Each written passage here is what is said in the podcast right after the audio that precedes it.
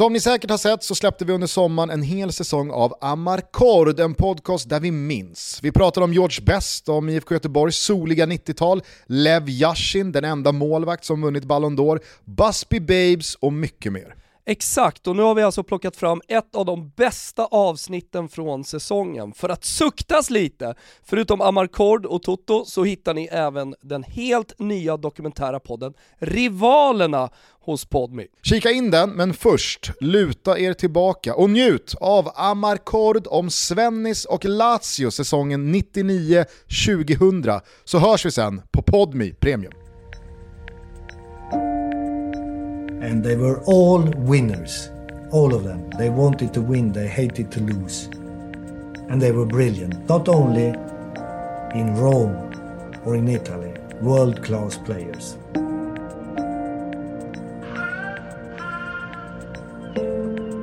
And the strange with this team, it was not only Mancini who could do that pass. Give the ball to Mihailovic. He said to everybody, run because with the left foot I, I will pick you up easily. So this team was good playing, good keeping the ball, but in counterattacks we were extremely good.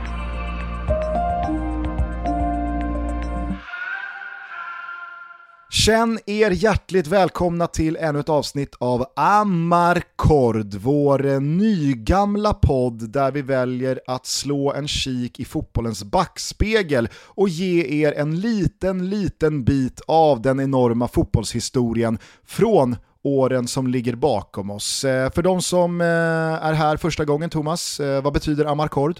Jag minns, och det är ju som du precis förklarade, exakt det vi gör. Och vi har gjort det nu i drygt 70 avsnitt. Eh, Minst små slicer av den stora fotbollshistorien och vi har ingen anledning att sluta göra det. Det finns så mycket att ta i och så mycket som kanske inte då ska bli en lång, eller kan bli en lång fyra timmars sittning, men, men det är just det där härliga i ja, men en kort podd, eh, lite kort koncist, man eh, har glömt bort eller aldrig faktiskt hört om en spelare, ett lag, en storhetsperiod för en klubb. Eh, och Det tycker jag är ett bra exempel idag, eh, där vi faktiskt har koll och många känner till vad han gjorde under sin tränarkarriär.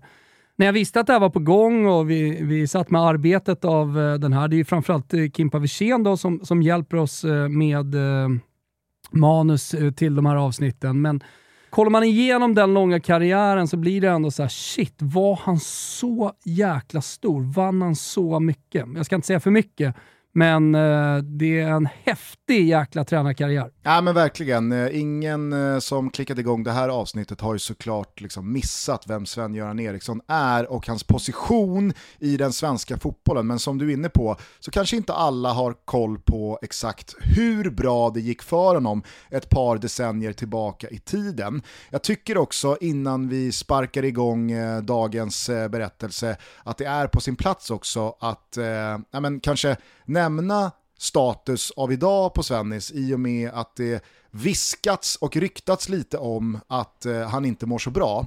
Eh, han eh, klev ju in i Karlstad i vintras, så jag vet att vi pratade lite om det där och då i Toto Balutto. Jag var ganska skeptisk för jag tycker liksom att Sven-Göran Erikssons senaste år inom fotbollen väldigt tydligt vittnar om att det är liksom över.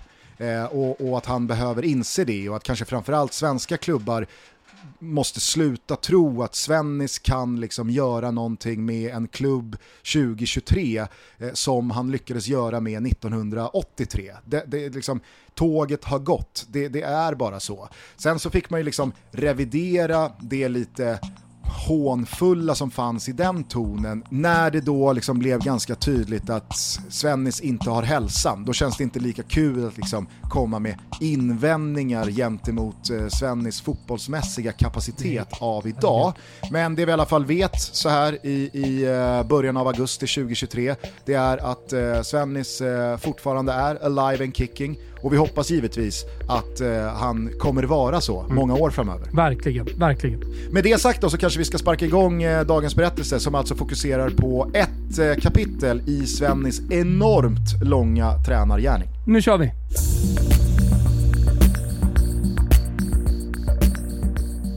Idag så känner vi för att inte gå allt för långt tillbaka i tiden. Det är klart att det är mysigt att resa tillbaka till gryniga foton och svartvitt. Ibland så långt som över ett sekel, som i avsnittet om Fifas ringa början. Men ibland så är man sugen på färg-tv. Och är det något som kommer att prägla det här avsnittet så är det färg och flärd, guld och titlar och erövringar. Amarcord ska berätta historien om hur Sven-Göran Eriksson blev Sveriges bästa tränare genom tiderna. No offense Nils Lidholm, en legend i sin egen rätt vi såklart kommer återkomma till i framtida avsnitt. Men det är inget snack och ingen annan är ens nära. 18 titlar, och då räknar vi inte ens vinsten med Degen i division 3 Västra Svealand 1978. Och en topp 20-placering på listan över tränare som vunnit flest Uefa-tävlingar någonsin. En karriär som varit så framgångsrik men också spretig behöver benas ut.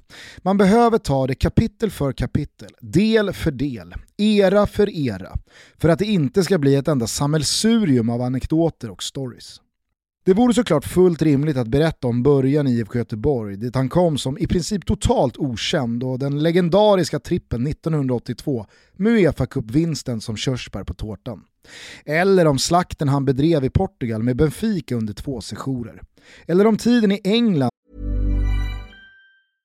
Hej, jag Ryan Reynolds. På Mint Mobile, we like to do the opposite of what Big Wireless does. They charge you a lot, we charge you a little. So naturally, when they announced they'd be raising their prices due to inflation, we decided to deflate our prices due to not hating you. That's right. We're cutting the price of Mint Unlimited from $30 a month to just $15 a month. Give it a try at mintmobile.com slash switch. $45 upfront for three months plus taxes and fees. Promote for new customers for limited time. Unlimited more than 40 gigabytes per month. Slows. Full terms at mintmobile.com. som utåt sett ter sig ganska misslyckad men som egentligen inte var så tokig alls.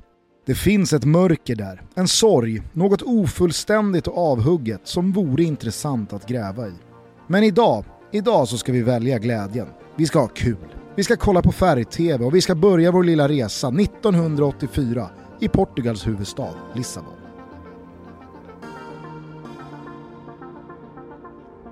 För här fanns en svensk som förmodligen kände sig på toppen av världen.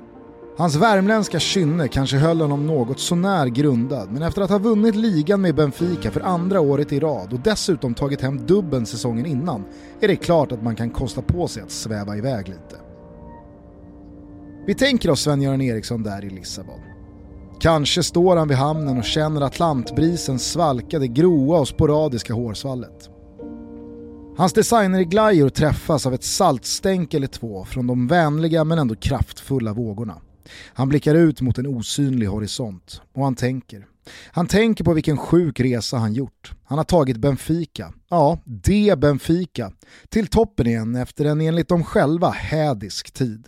En ligatitel på fem år och diverse andra och tredjeplatser är såklart överstrukna getingar om man kallar sig själva för det högst oödmjuka och glorioso. Men han vet också att han är klar med Benfica. Han är den enda som vet det. Ett kontraktsförslag från världens bästa liga ligger hopvikt i bröstfickan. Han har läst det kanske hundra gånger. Serie A. Fullsmetat med stjärnor och profiler, en fotbollens högborg. Men vad är det ens för resa han gjort, killen från Sunne? Innan han asfalterade Portugal med sitt zonförsvar och 4-4-2 så hade han vunnit allt med IFK Göteborg. Ligan, Svenska Kuppen två gånger och Uefa-cupen. Och nu ska han till Roma. Stafettpinnen personligt överlämnad av Nisse Lidholm själv, gudfadern, mer italiensk än svensk numera, en riktig mister, Il Barone. Det är det han står och tänker på, Svennis. Division 3 Västra Götaland till Roma på sex år. Det är inte möjligt. Det är en saga. Kanske tänker han på det gamla ordstävet att verkligheten överträffar dikten. Och han kan såklart inte säga emot. Men mer än så kommer vi egentligen inte säga om tiden i Roma, även om vi för återstoden av det här avsnittet håller oss kvar i den italienska huvudstaden. För det är ett farande och flängande av James Bondska mått som nu inleds och som vi väljer att snabbspola igenom. Tre säsonger i Roma med ett kuppguld som främsta merit. Inte illa såklart, följdes av ett par hos Fiorentina.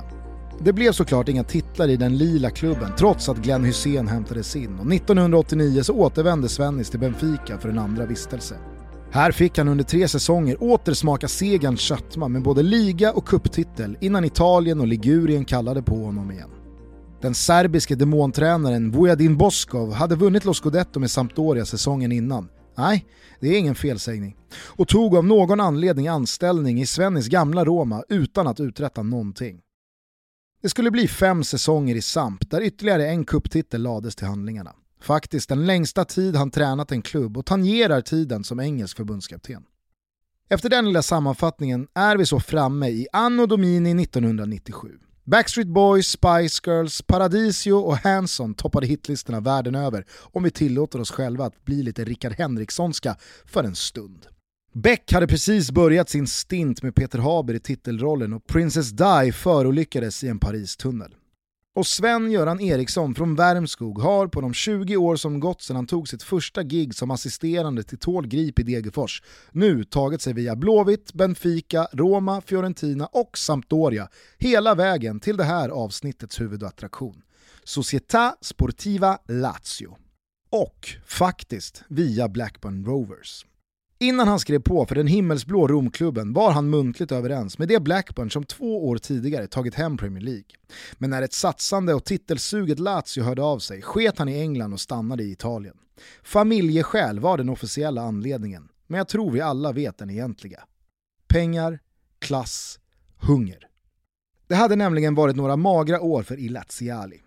Fram till Mr Svens ankomst så hade klubben en enda Serie A-titel 1974 och en enda cupdito 1958. Ett overkligt uselt facit.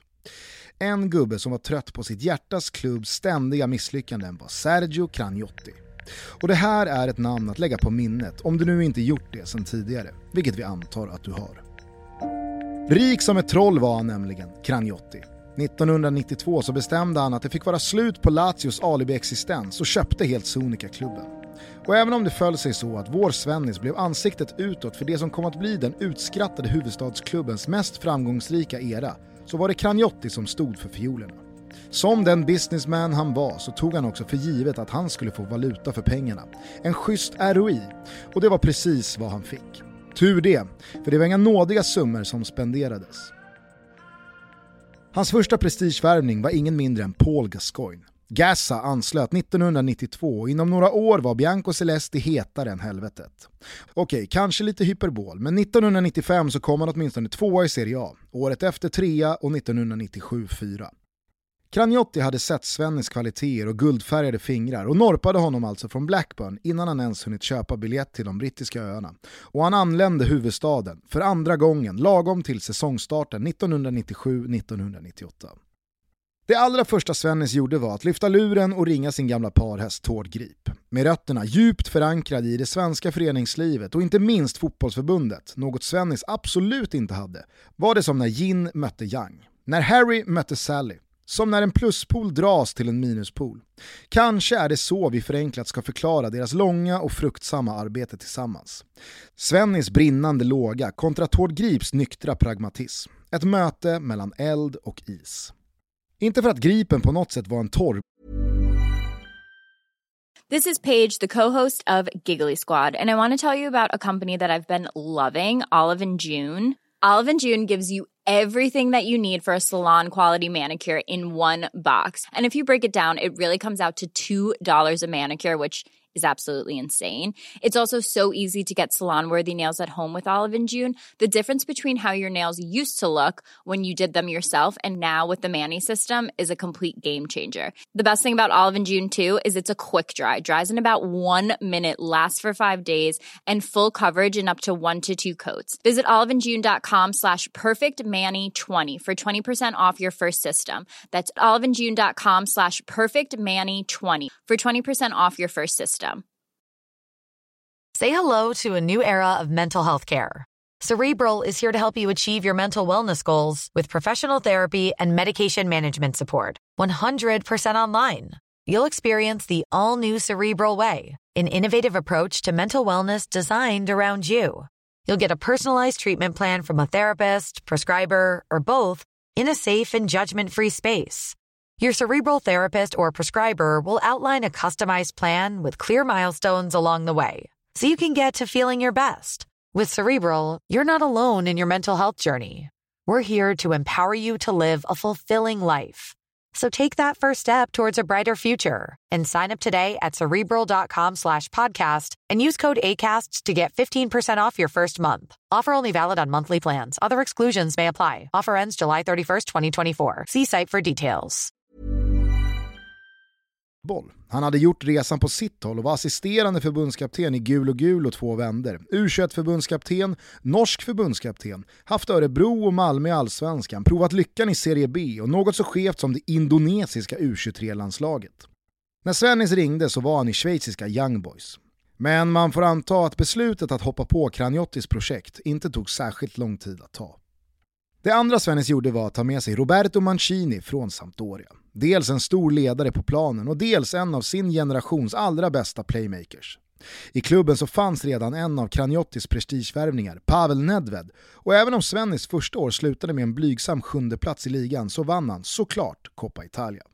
Men eh, gubben Kranjotti hade fått smak på ädlare valörer. Inför säsongen 98-99 så anslöt en drös klasslirare med Christian Vieri, Marcelo Salas, Dejan Stankovic, Sergio Conceição och Fernando Coto i spetsen. Och det var såklart dunder, guld och gröna skogar. Men det var en pusselbit som saknades. Svennis ville ha en stark centrallinje i sin 4-4-2-uppställning och hade ett enda namn på sin önskelista. En annan av sina gamla guldgossar från tiden i Samp. Sinisa Mihailovic. Vi kan väl lyssna på Mister själv förklara. I had Mihailovic in Sampdoria.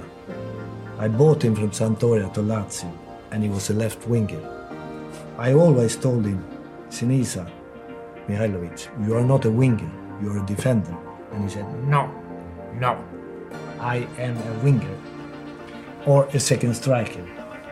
So uh, after a while, I convinced him to play there, and as a central defender, he became one of the best in the world. And talking about having good feet as a defender, he had the best left foot in the world. Mihailovic omskolades alltså till mittback och det är klart att Miha, Mancini, Salas, det är en centrallinje. Sick. Resultaten skulle inte låta vänta på sig heller. Även om Loscodetto undkom med en enda pinnes marginal i säsongens allra sista match så tog man hem Supercupen. Och det är väl upp till var och en att avgöra hur den titeln ska värderas. Men framförallt så vann man den allra sista upplagan av fina, fina cupvinnarkuppen. Det renaste vi haft i världsfotbollen. Klart det också skulle fördärvas. Pittiga världsfotbollen. Anywho, med någon sorts dubbel i ryggen alltså så tog man sig så an den historiska säsongen 1999-2000. Kranjotti och Svennis resonerade som så att ett bra lag kan ju alltid bli bättre och man vilade inte på lagarna när det gällde truppbygget.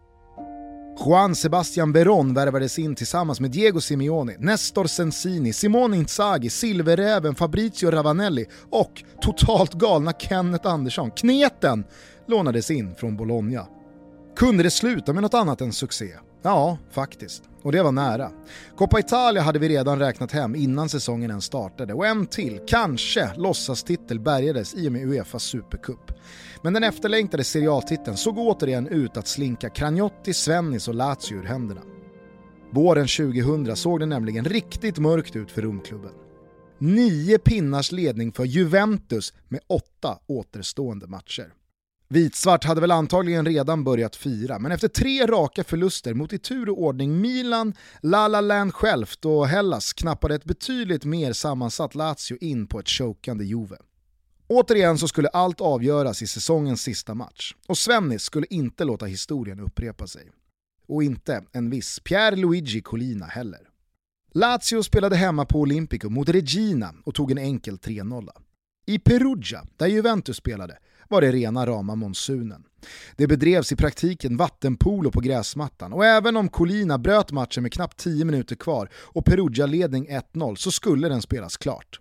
Hemmalaget höll undan och drygt 25 års väntan var äntligen över.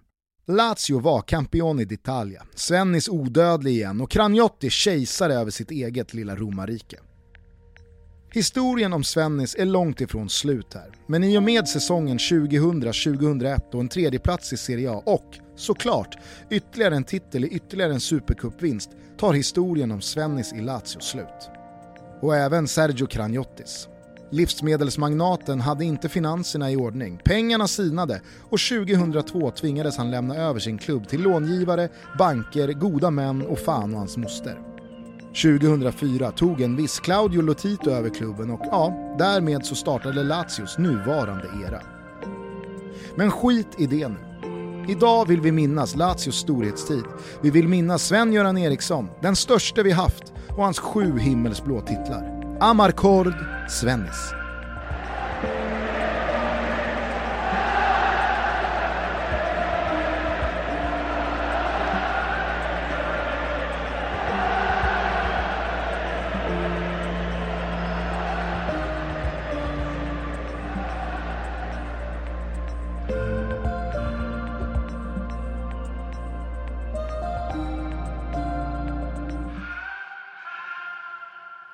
Ja, vad säger du om eh, Svennis eh, tid och eh, era i det Lazio som runt millennieskiftet var ett av världens absolut bästa lag? Du slog väl rot i Italien några år senare, men det måste ju ha funnits eh, väldigt mycket liksom Lazio-makt kvar i luften när du eh, rullade in på stöven.